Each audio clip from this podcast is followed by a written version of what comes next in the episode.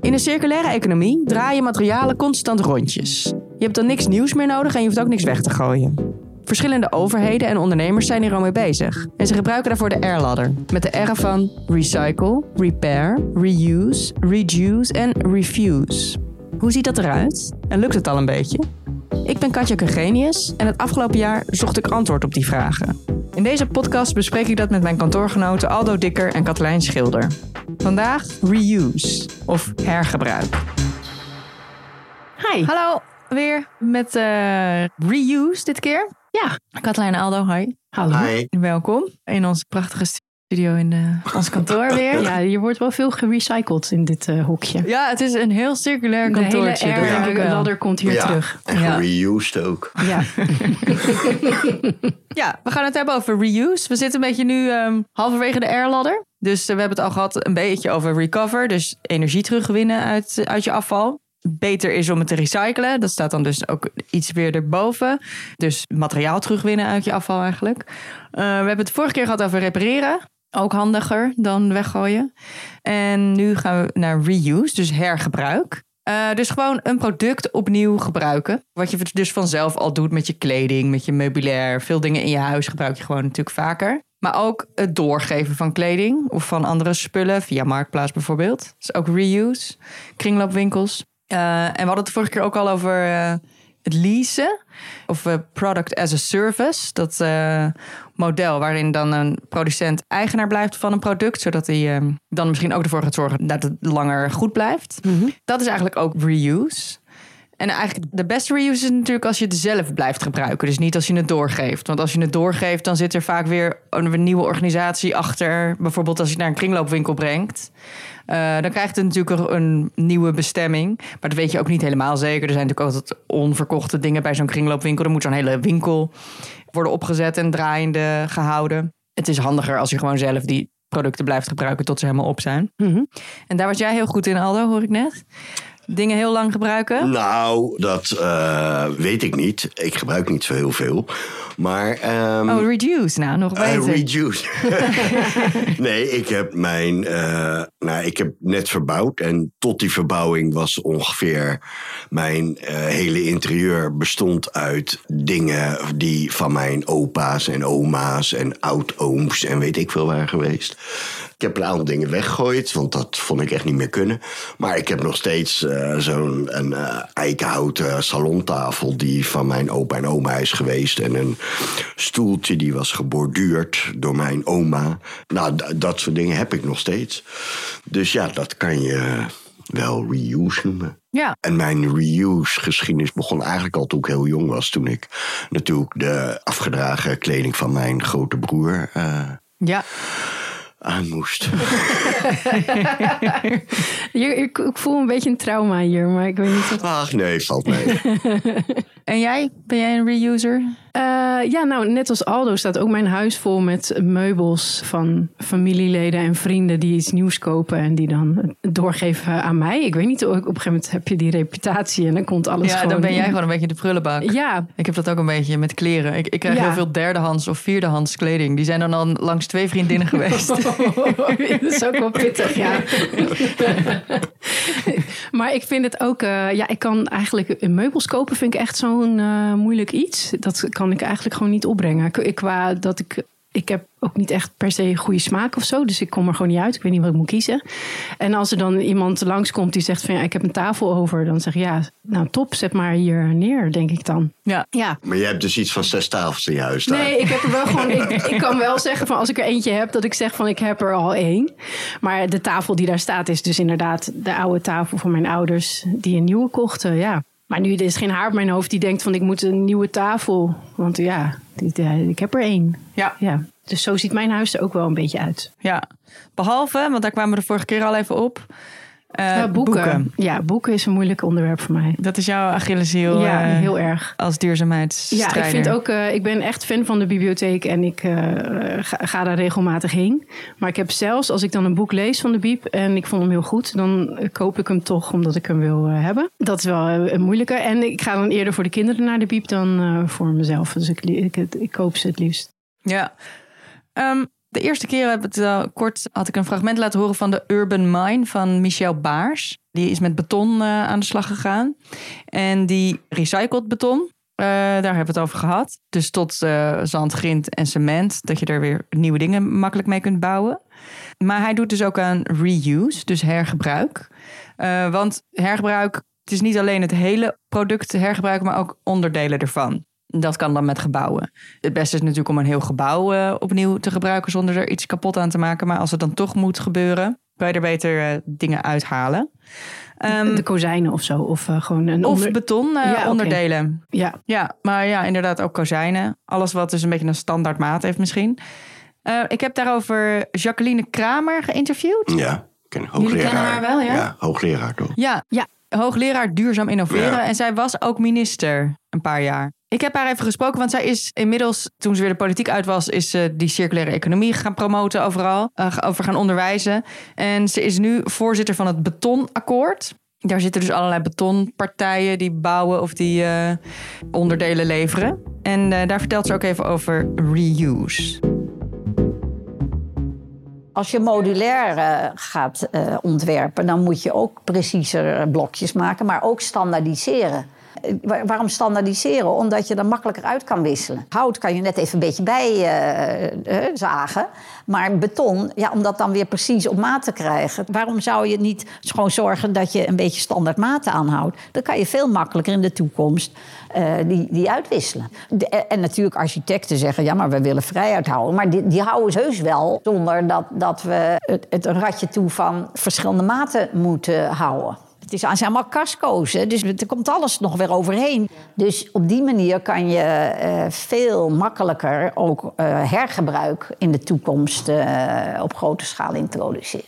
Dat doen ze nu al, daar waar, waar ze het hebben ontworpen. Dan kan je gewoon zien, oké, die, hele kanaalplaat kan je er zo uitlichten. En dus een standaard maat heb ik, nee, kan maar daarheen.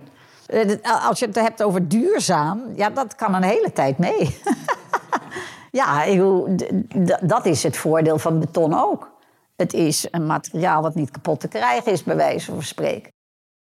Ja, dat was uh, dus Jacqueline Kramer. Sommige mensen denken, waarom is zij nou met het beton bezig en met al die grote betonpartijen? Want ja. dat is dus super vervuilend. Maar zij zegt, ja, we kunnen voorlopig nog niet zonder beton. Oh ja. Dus uh, laten we dat beton dan zoveel mogelijk verduurzamen. Ja. Um, maar huizen als Lego-blokjes, vinden jullie dat een goed idee? Nou, wat ik wel grappig vind, ja, natuurlijk zeg maar, de industriële revolutie. Hè, de, en, en toen kreeg je het... Uh, uh, zogenaamde Fordisme, uh, waarin dus de hele productielijn werd gestandaardiseerd. En dat was de lopende band, zeg maar. Van de auto's, van ja, Ford. Ja, ja, ja, die heeft dat geïntroduceerd. En dat was om eigenlijk zoveel mogelijk uh, geld uh, te verdienen. En daar is later natuurlijk heel veel kritiek op gekomen. Ik weet niet of je die, die film van uh, Charlie Chaplin, Modern Times, weet je, waarin hij waarin hij, nou ja, dus eigenlijk helemaal gek wordt van, van het, het standaardwerk wat hij moet doen. En dat er dus nu ook wordt gesproken, eigenlijk in de hele uh, verduurzamingsdiscussie, over standaardisering van, van het product. Hm. Dat is eigenlijk best, nou laat ik zeggen, ironisch. Ja, ja, het klinkt niet heel, um, niet heel creatief en uh, nou, dat, toekomstig ja, misschien nee, standaardisatie. dat weet ik niet. Wat zij zegt is dat je natuurlijk met... Uh, ik, ik, kijk wel eens naar de Lego Masters. Nou, daar kan je heel creatief mee zijn. En het zijn allemaal dezelfde blokjes. Ja, daar kan je van alles mee bouwen. je kan er van alles mee bouwen. Dus dat zal ongetwijfeld kunnen. ja. ja. Dus jullie zien het wel gebeuren? Het lijkt me gewoon heel arbeidsintensief als je voor elk blok huizen of gebouwen het wiel opnieuw moet uitvinden. Dus nou, volgens mij is het wel handig. Ik bedoel, ik probeer nu mijn uh, huis te, te verduurzamen. En ik vind het eigenlijk best onhandig dat ik dat in mijn eentje zit te doen. Terwijl eigenlijk de hele. Ja, het lijkt me veel handiger als ik dat met de hele straat zou kunnen doen. Of met een hele wijk. Um, ja. En dat er dan ook gewoon. Dat we dan in huizen wonen waar voor alles dezelfde oplossing van toepassing is. Ja. Nee, maar als je dus dat gaat standaardiseren en je krijgt dus zeg maar overal precies zeg maar een soort eenvormige flats en, en weet ik veel, wat zou je daarvan vinden? Want dat is eigenlijk wat jij zegt. Ik zou het heel fijn vinden om, om met de hele wijk of de hele straat. Nou, het gaat me niet per se omdat het er allemaal hetzelfde uitziet. Volgens mij kunnen architecten te gekke dingen doen met dezelfde bouwmaterialen, zoals dat met Lego ook kan. Dus dan hoeft het helemaal niet allemaal hetzelfde te zijn. Maar er zijn wel oplossingen sneller voorhanden. Maar ik denk wel dat, zoals vrienden van mij hebben in Oosterwold hun eigen huis uh, oh ja. gebouwd. Maar dat was dus, eh, weet ik veel, zes jaar werk. Om, want ze hebben alleen maar eh, Natuurlijke materialen. natuurlijke materialen en eh, dus ehm reused materialen gebruikt. Oh ja. Dus dan moesten ze wel weer ja, naar Limburg rijden om een paar kozijnen op te halen en zo. Ja. En dus zo hebben ze jarenlang alles verzameld. Ja, als ik dat zie, dat is echt fantastisch. Dat is superleuk. Maar ja, dat is natuurlijk veel te veel werk om dat aan, eh, Ja. van, van iedereen te vragen. Om het op die manier aan te pakken. Ja, je hebt trouwens ook zo'n eh, zo'n architectenbureau, Ja. Superuse. Ja? Die, eh, Superuse. Superuse, ja. Die zijn ook helemaal... eh, die bouwen grotendeels eigenlijk ja, zoveel mogelijk van eh, materiaal wat uit sloopplaatsen komt. Ja. Maar er zit dus ook een hele organisatie achter. Want dan moet je dus inderdaad weten wat er gesloopt wordt. Wat eruit vrijkomt. Wat nu dus nog niet heel makkelijk te achterhalen is. Want het is allemaal niet zo heel standaard gebouwd. Dan moeten ze die materialen ook nog ergens opslaan. Dus ze hebben gewoon een enorme loods Ja. ergens in, op een industrieterrein... waar ze dan al hun materialen opslaan... die ze ooit hebben geoogst, Ja. zo noemen ze het dan. Om daar vervolgens dan weer een ontwerp mee te maken en te gaan bouwen. Ja. Dus dat, zij doen ook heel erg aan reuse. Maar dat is, zij lopen ook weer tegen allerlei hobbels aan. Want Ja, daar want- is het, het is, de samenleving hier is ook weer daar niet voor op ingericht. Het is echt moeilijk. Want ik ben, ik ben op zoek naar een nieuwe achterdeur bijvoorbeeld. En ik dacht, ja, die moet ik toch gewoon kunnen vinden. Dat ik niet naar de bouwmarkt hoef, maar dat ik hem gewoon ergens... eh, er is er vast ergens eentje over. Maar om echt een goede afmeting te vinden... en om daar dan de goede deur te vinden... en om daar dan heen te rijden en die op te halen... ja, het is echt... Het is echt een dagtaak of zo. En dan heb ik alleen die achterdeur. Dus dat schiet niet op. Ja. Ik heb eigenlijk meer nodig. Ja. ja, en als het dus allemaal meer standaardmaten zijn, is het ook wel makkelijker. Zeker, want 9 van de 10 ehm, zijn niet geschikt Ja. voor, voor mijn eh, deurpost. Ja. Wat ook eh, hergebruikt wordt, wat je niet weet, in ieder geval wat ik leuk vond om te horen, eh, zijn bijvoorbeeld accu's van auto's die niet meer sterk genoeg zijn of eh, Hmm. ja, krachtig genoeg zijn om eh, in een auto eh, dienst te doen. Die worden dan in het elektriciteitsnet ingezet. Oh, cool. Ja, wat best wel cool is inderdaad, want die hebben ook gewoon opslag nodig. Ja. Voor bijvoorbeeld, eh, nou ja, als de zon schijnt en eh, we hebben niet zoveel elektriciteit nodig. Dus eh, dat wordt ook nog gedaan, zonder dat we het, eh, dat überhaupt door. Oh, maar dat is leuk. Maar, oh, oh, maar niet voor particulieren met zonnepanelen, denk ik. Eh, nee, nou, je, zou het eens kunnen, je zou eens kunnen informeren. Ja, want volgens mij gaan we daar komende jaren naartoe. Want we hebben zeg maar, in de zomer overdag te veel stroom. Ja, Dus die is eigenlijk niks waard, maar die qua geld, zeg maar. Dus je, krijgt- je krijgt er ook als zonnepanelen-eigenaar Ja. geen geld meer voor. Of je moet er zelfs voor betalen om het terug te leveren. Maar ja, als we hem zouden kunnen opslaan voor 's avonds of eh, in de winter, zou Ja. het te gek zijn natuurlijk. ja, dat kan inderdaad misschien ook wel op zo'n oude accu. Eh, een hele leuke die ik, die ik, waar je niet aan denkt bij reuse, maar wat wel een hele belangrijke stap zou kunnen zijn, is plastic verpakkingen. Mhm. Die we helemaal niet gewend zijn om te hergebruiken. Maar dat zou wel kunnen en dat zou dan heel veel schelen. Ik sprak hier over Rick van der Ploeg. Die werkt bij Natuur en Milieu, NGO. En zij zitten ook in eh, Mission Reuse. Daarin werken ze meer met eigenlijk de bedrijven die hier, die ook met recycling en zo bezig zijn, aan het dus herbruikbaar maken van plastic verpakkingen. Ja. Ik zal hem eh, even laten horen. Zo'n glas bijvoorbeeld, eh, eh, ja, dat is logisch, dat gebruik je elke keer weer opnieuw. Maar als dit een plastic kopje is, zeg maar, dan heb je heel erg. Hè, dat, het lijkt Ja. alsof het bedoeld is om weg te gooien. Ja. En, eh, en dat moet veranderen. Dus eigenlijk is het heel jammer, want plastic is best een heel mooi materiaal waar je veel mee kunt. Maar doordat het dus heel erg in wegwerpsferen zit, ehm, eh, gaat er enorm veel verloren en ontstaat er ook heel veel schade. En is er uiteindelijk heel veel eh, olie nodig om dat te maken. Ja. Eh, een groot deel van plastic is verpakkingen, een heel groot gedeelte. En dat zijn eigenlijk allemaal wegwerpverpakkingen. Ehm, en doordat het allemaal wegwerpen is, zeg maar, eh, gaat dat via de afvalverwerker. Hè, dat gaat eerst je prullenbak in, dat, dat, dat komt uiteindelijk bij zo'n afvalverwerker. Samen met heel veel andere dingen, samen ook nog met vervuiling. Dat gaat dan, dan probeer je een soort van enorm grote cirkel te maken via die recycling. Dan moet het gesorteerd worden Ja. naar die recycler. Terwijl als je naar eh, hergebruik kijkt, zeg maar, dat is een, een heel andere manier eigenlijk, waarop je keer op keer een verpakking gaat gebruiken. En dan maak je eigenlijk een veel kleiner cirkeltje. Ja. En dat kan een cirkeltje zijn doordat je zelf als consument zeg maar een verpakking houdt en, en die opnieuw gebruikt. Maar het kan ook zijn dat die dus teruggaat naar de winkel, daar opnieuw gevuld wordt. Ja. Ehm, en, en het leuke is dat er al lang voorbeelden zijn, alleen met andere materialen, namelijk eh, het glazen bierflesje. Eh, waar we dit al, eh, eh, al heel erg lang doen. En, ehm, en, en dat is dus ook een heel erg een standaard flesje. Ja. En dat flesje dat wordt op een standaard manier verwerkt. En daardoor zeg maar, kan het ook op grote schaal, eh, kan, het, kan het wel degelijk. En hetzelfde, dat kun je ook met plastic doen. Ja, hij, heeft het dus, hij zegt eigenlijk is plastic een heel mooi materiaal. Hebben jullie dat gevoel ook bij plastic? Of is, heeft het inderdaad bij jullie ook een slecht imago? Nou, dat, het heeft wel een slecht imago, ja, denk ik. eh, met, ja. Ja, ik word wel droevig als ik eh, boodschappen heb gedaan en ik kan daarna een halve vuilnisbak vol plastic eh, Ja. eh, uit mijn tas halen. Maar, Toch? Ja. Ja, maar ik, dat klopt. Maar ik, ik heb bijvoorbeeld zeg maar, de plastic Albert Heijn zak, om het maar even te noemen. Ja, die, die reuse je wel. Ja, Tenminste, ja. die gooi ik niet weg. Die bewaar ik. En, die, eh, en ik doe nu ook tegenwoordig bij de groenteboer, kijk, van die eh, plastic bakjes. Want daar heeft hij nu, zit nu een soort statiegeld op. Zeg van, eh, dus die neem ik eh, nu elke keer trouw zelf mee. Hè? Wat? Bakjes voor je groenten? Nou, voor mij, bij, ik, ik haal altijd fruitsla. Ja, dan hoef ik het zelf niet te doen. En dat doe ik. En dat eet ik 's ochtends in mijn yoghurt. En uh, voel gezondheid. En eh, dat zijn van die, van, die, van die ronde plastic bakjes. Ja. En die bewaar en die neem ik elke keer mee. Ja, dus dat is van de harde plastic is dat. Ja, ja, wat goed. En hij heeft het over standaard maten. Maar er zijn natuurlijk, hè, als jij bijvoorbeeld eten gaat halen, doe ik ook nog wel eens. Dat zijn heel vaak die, die bij de Chinees of Mhm. Ja. de Indonezen of weet ik. Dat zijn voor mij een soort standaard maten. Ja. Die zou je natuurlijk, ja, ik gooi ze ook altijd weg. Maar je, je, je, je kan ze natuurlijk net zo goed als daar een soort. Kijk, het, het is nu volgens mij een beetje mal. Als je zelf met, de- met het van nee, ik heb nog een plastic bakje. En dan Ja. kijk, kijk ze toch een beetje raar van. "Oeh." Terwijl als dat een soort normaal zou worden, niet Ja. meer normaal wordt. Kijk, want je kan er net goed even omspoelen en omwassen. En eh, ja, dat doe je met een bord ook of met een Ja. schaal. Of, Ja. eh, Ja, en zoals de flessen wasmiddel of zo, die hebben echt nog, volgens mij kan zo'n fles nog honderd, honderd keer mee Ja. voordat hij weg moet. En Ja. dan, maar ja, ik gooi hem nu in de, in de vuilnisbak en dat, dat was het dan. Ja. Ecofair heeft dat volgens mij... Heeft die, hebben die dat goed gedaan? Ja, ik heb het eigenlijk nooit geprobeerd. Maar volgens mij, eh, bij, E- van Ecofair kan je dus ook naar de supermarkt met je oude verpakking. En dan eh Oh, cool. bijtappen of een nieuwe Ja. krijgen. Zoiets. maar Ja, het is, zou is wel een fijn slecht zijn als het- wasmiddel, hè, Ecover. Ja. Ja. Volgens de Consumentenbond. Wat zei je? Het is Slecht wasmiddel. Slecht wasmiddel. Ja, was niet Ja, goed vooral schoon. heel duur.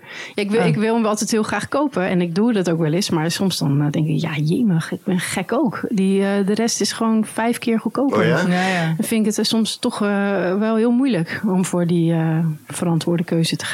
Ja. Maar ehm, ik doe natuurlijk wel zoveel mogelijk. Maar soms dan ben ik toch te zuinig om het eh, te doen. Maar eh, het lijkt me te gek als, als, we, als we het gaan aanpakken zoals met bierflesjes. Toch? Ja, ja. Dat kan toch al die bakjes eiersalade en, eh, en eh, pasta Ja. zakken en schoonmaakmiddelen. Kan toch allemaal gewoon gestandi- gaan- gestandardiseerde maten worden. Ja, precies. Pieter Pot probeert het ook, hè? Doet het Oh. al. Kennen jullie dat? Pieter Nee. Pot? Pieter Pot, Nee. die eh, leveren boodschappen. Het is gewoon een Oh, online natuurlijk, boodschappenwinkel. Die, ja. Leveren, die leveren hun eh, boodschappen zonder verpakking eigenlijk. Ja. Dus het- je zou het ook bijna reviews kunnen noemen. Maar eigenlijk is het reuse. Want zij leveren het dan in glazen potten. Van die wekpotten. Hm. Ja, ja. Eh, maar daar zit dan van alles in.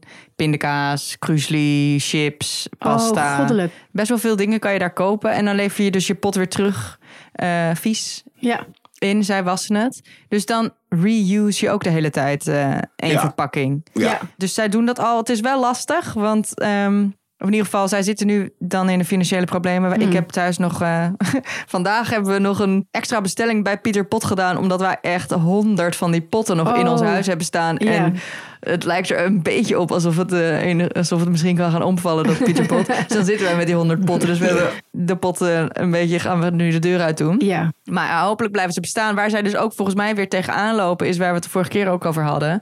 Met dat leasen. Ja. Dat je eigenlijk heel veel voorfinanciering moet hebben. Dus je moet heel veel geld hebben Ja. van tevoren... om al die potten te kopen. Ja. Eh, want die worden dan pas langzaam afbetaald. Ja. Dus je hebt heel veel eigendom. Ja, Ja, en het is ja. toch. eh, ik, ik, ik bestel wel ook bij eh, Ho- Hofweb bijvoorbeeld. Dat is een heel fijne. Die, ja, dat, zijn, dat is ook, ook een soort. ehm, ja, biologische eh, bezorgservice, zeg maar. Van, Oh ja. En die hebben al. En, en dan krijg je gewoon een krat met boodschappen. En die is eigenlijk wel plasticvrij, zeg maar. Krat ook. Nou, die krat is van plastic, maar de rest is gewoon, eh, weet je, al je groenten en fruit en zo is niet allemaal. in- Als je bij de Albert Heijn, of als je bij gewoon de supermarkt boodschappen gaat doen, kom je met een tas vol plastic thuis. Maar ja, mijn leven is gewoon niet zo dat ik alles een week van tevoren kan bedenken. Dus dan eindig ik toch op een gegeven moment weer gewoon in de supermarkt. Ja. Ja. Dus de- en dat is denk ik bij Pieter Pot ook. Van het moet, je vraagt wel echt iets van de consument om dat eh, te gaan doen. Ja. En je zou eigenlijk, ik zou eigenlijk willen dat Pieter Pot gewoon ook op elke hoek van de straat eh, zit. Ja. Net als de supermarkten. Ja. Dan zou het wel nog makkelijker worden. Ja, je hebt wel. Er, is een, er zijn drie Albert Heijns, geloof ik, in Nederland al. Eentje in Amsterdam, ook op het Gelderlandplein. Die Oh. hebben ook een, een stukje schap wat verpakkingsloos is. Vet! Eh, dus dan kan je zelf tappen. Dus dan hebben ze Ja. van die tappunten voor inderdaad cruisli en pasta Ja. en dat soort dingen. Kan je je eigen bakje meenemen. Of je kan een bakje daar kopen wat dan dus hergebruikt kan Ja. worden. Leuk. Ja, dus zij, zij hebben dat wel. En ik geloof dat in Frankrijk is het zelfs al verplicht. eh, ik weet even niet meer sinds vanaf wanneer dat is. Maar ehm, zeer binnenkort of nu al moeten supermarkten een bepaald percentage van hun schappen moet verpakking, Ja. verpakkingsvrij zijn. Oké, Ja. nou ja, ik, ik vind het op zich wel goed. En je ziet natuurlijk ook met die, eh, en dat, dat staatsgeld op plastic wat ze hebben gedaan. Maar hè, de bedoeling als jij een patatje gaat halen, dat je ook met je eigen Ja. Dus het, het beweegt wel. Ja. Weet je, en, en ja, zeg maar, voordat mensen dat echt allemaal doen en denken van, nou ja, ons betaal ik die 15 cent meer, wow, kan mij het schelen. Maar er zit gewoon wel, volgens mij, beweging in. Ja. En wat ik zeg net, die, die fruitbakjes, of nee, je hebt allemaal van, Ja. die, van die harde bakjes, weet je wel, waar ook pinda's in zitten. En ja, die, kan je, die zou je natuurlijk helemaal niet weg hoeven te gooien. Nee. Nee, en nou helemaal als je het inderdaad ook nog anders ontwerpt. Dus dat je het wat meer ontwerpt voor ehm, Ja. hergebruik. Ja, maar, nu, ja, eh, maar ja, dat zijn voor mij ook wel heel veel standaardmaten. Want ik zie, je ziet overal dezelfde Ja, bakjes. nee, wel standaardmaten, maar dat, dat plastic is inderdaad dik genoeg om misschien een paar keer te gebruiken. Maar als je het echt voor hergebruik zou ontwerpen, Zou ook, zou het ja, toch zo. nog wat dikker worden. Oh ja. Ehm, en dat zijn ze nu. Er zijn echt wel bedrijven hier al mee bezig.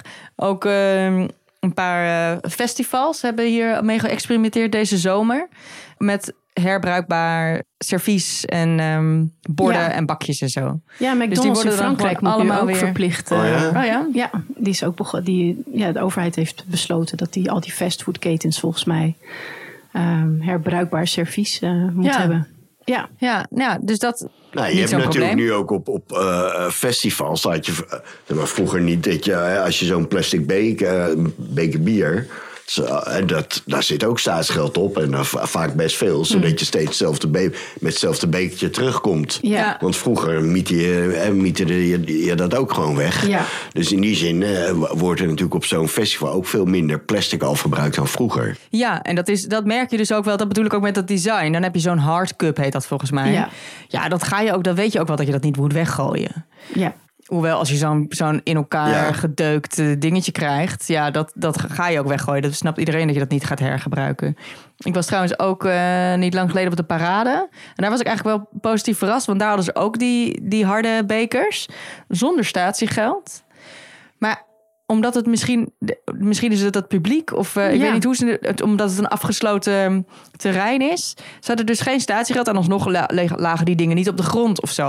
Eh, nou, kleding is natuurlijk een eh, Ja. voorbeeld van reuse. Ja, je gebruikt zelf je kleding natuurlijk eh, al meerdere keren. Nou, ja. Ehm, en we zijn inmiddels ook steeds meer gewend om dat dan ook door te geven. Eh, de, de grote kledingmerken sturen hier ook wel op aan. Dus die, eh, ik heb een keer iemand gesproken die zat in een soort investeringsfonds voor de verduurzaming van de kledingindustrie. Eh, en die vroeg ik ook van hoe zit het met die airladder en de circulaire economie? Hoe, hoe kijken ze daarnaar? En zij vertelde me dat die kledingindustrie vooral inzet op recycling. Dus echt grootschalig recyclen van kleding. En ze zei dat kan echt groot worden als over een paar jaar die fabrieken echt staan. Wat op zich nou, ergens natuurlijk goed nieuws is. eh, als er heel veel kleding gerecycled wordt. Maar aan de andere kant is het ook weer nog een schakel toevoegen aan een soort enorme industrie. Die eh, Ja. eigenlijk ook wel gewoon eh, even een tandje minder kan. Ja. Zij zetten ook in op, op die reuse. Want ze zien, die kledingmerken zien dat er dus een heel groot verkoopkanaal ineens uit de grond is gesprongen. Namelijk al dat eh, marktplaats en vintage, weet ik veel Ja. wat voor platforms je er allemaal voor hebt. Dus er zijn nu ook bedrijven die bedenken manieren waarop een winkel een graantje eigenlijk kan meepikken hierin. Dus dat je, ik weet niet precies hoe het eruit ziet, maar in elk geval de klanten van zo'n winkel kunnen dan makkelijk iets online zetten wat ze eerder hebben gekocht. Van ik bied dit weer opnieuw aan voor, ehm, voor verkoop. En klanten die überhaupt iets tweedehands willen, kunnen daar dan ook makkelijk iets vinden. Dus dan gaat het via de, het platform van die winkel zelf, dus via het publiek van die winkel zelf, wordt iets dan opnieuw uh, gebruikt. En wat zou dan het economische voordeel voor die winkel zijn? Zij krijgen daar dan een marge van. Oh, tuurlijk. Ja, oké. Sorry, ja. Sorry, ik, ja. Nee, ja, ja, dus, dus dat, ja. dat, dat, wat dat betreft is een graantje meepikken. Nou, op zich natuurlijk beter dan dat iedereen nieuwe kleding koopt. Ja. Maar ook dat reuse heeft uh, met kleding is ook... Uh, moet je ook weer niet te veel op aansturen, vind ik. Want dan vergeet je een beetje dat het ook gewoon dat je misschien überhaupt niet zoveel nieuwe kleren nodig hebt de hele tijd. Zeker. En ook sommige kleding is echt van zo slechte kwaliteit dat je het ook ja, eigenlijk niet kan reusen. Want het is zo, ja, ja het is gewoon op na, na een keer of tien dragen dan. Ja, en waar het dan eindigt, um, soms of vaak, ik weet niet precies hoe vaak, de percentages zijn een beetje lastig. Er worden verschillende dingen over gezegd, maar uh, vaak eindigt het dan op een vuilnisbelt in Afrika. Uh, daar heb ik ook iemand over gesproken, Mirjam Niesen. Mm Zij is van Stichting Doen. En die steunen allerlei projecten, allerlei bedrijven die uh, aan duurzaamheid werken op allerlei verschillende terreinen hoor. Met geld van de postcode loterij. Ik sprak haar en zij was echt net terug uit, uh, uit van ook iemand die zij die stichting doen financiert om in Afrika iets te doen aan, aan die kledingbergen. Dus zij was wel redelijk eigenlijk geëmotioneerd nog daarover aan het vertellen. Mm. Ik zal er even laten horen.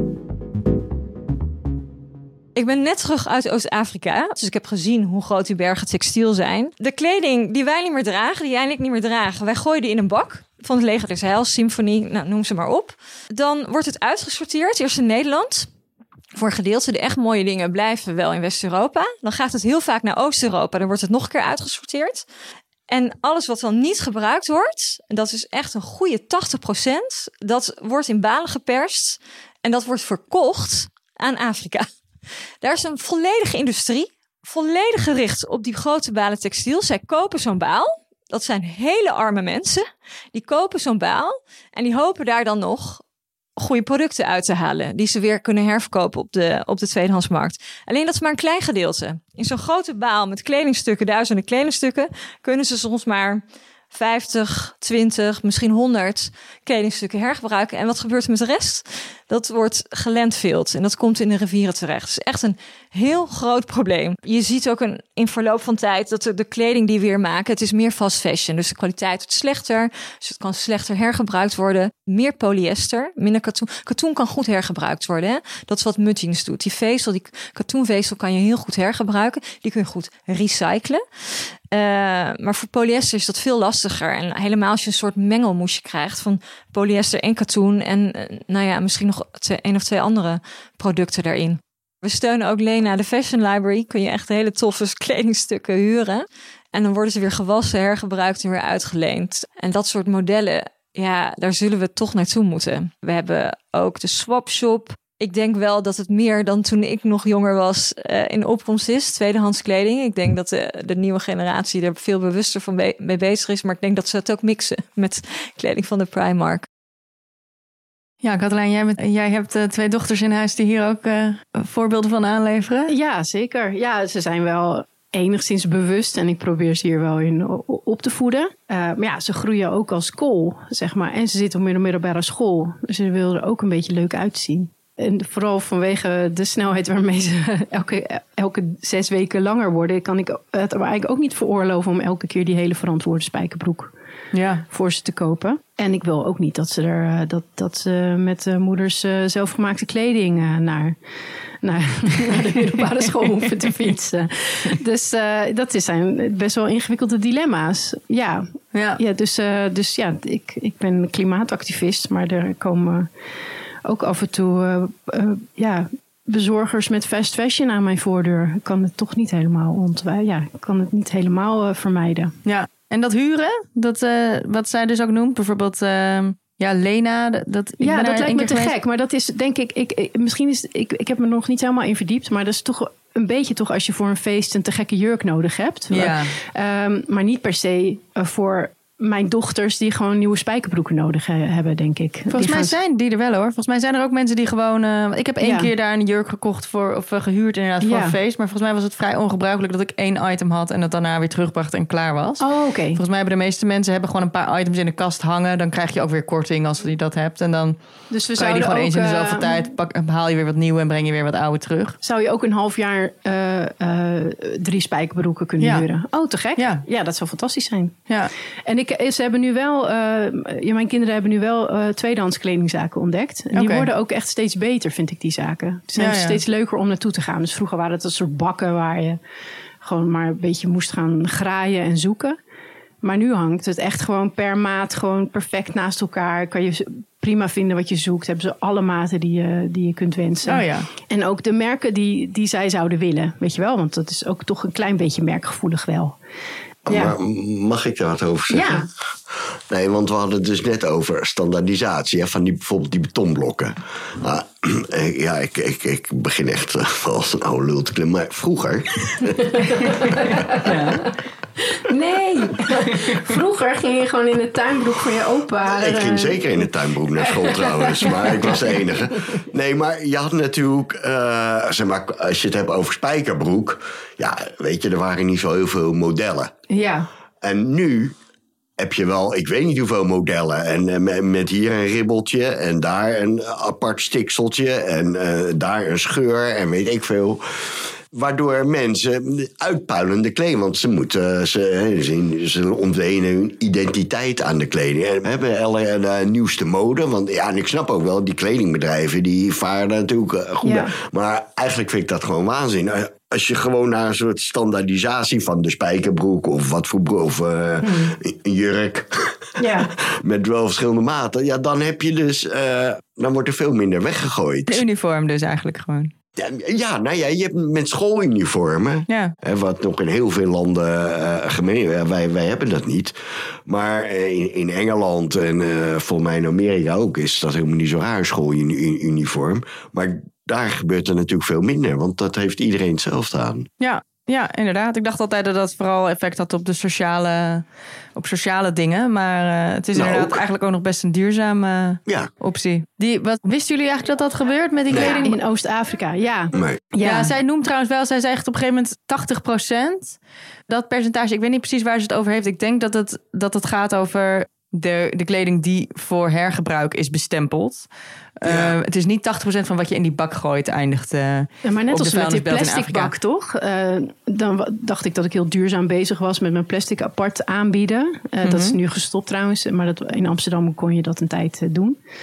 Maar toen kwam ik erachter dat een, heel groot deel van die plastic ook ergens op een berg belandt. en, en niet in Europa, maar Ja. aan de andere kant van de wereld. ja, dacht ik, ja, zitten we hier met ons goede gedrag en verschepen we het ons probleem alsnog eh, naar elders. Dat kan natuurlijk niet. ja, Ik vind dat we gewoon verantwoordelijk zijn voor ons eigen afval. ja. En dan kom je weer hoger in die airladder. Ja, Van we moeten er gewoon minder van gebruiken. ja dat zou wel handig zijn. Of überhaupt niet. Ja. Ja.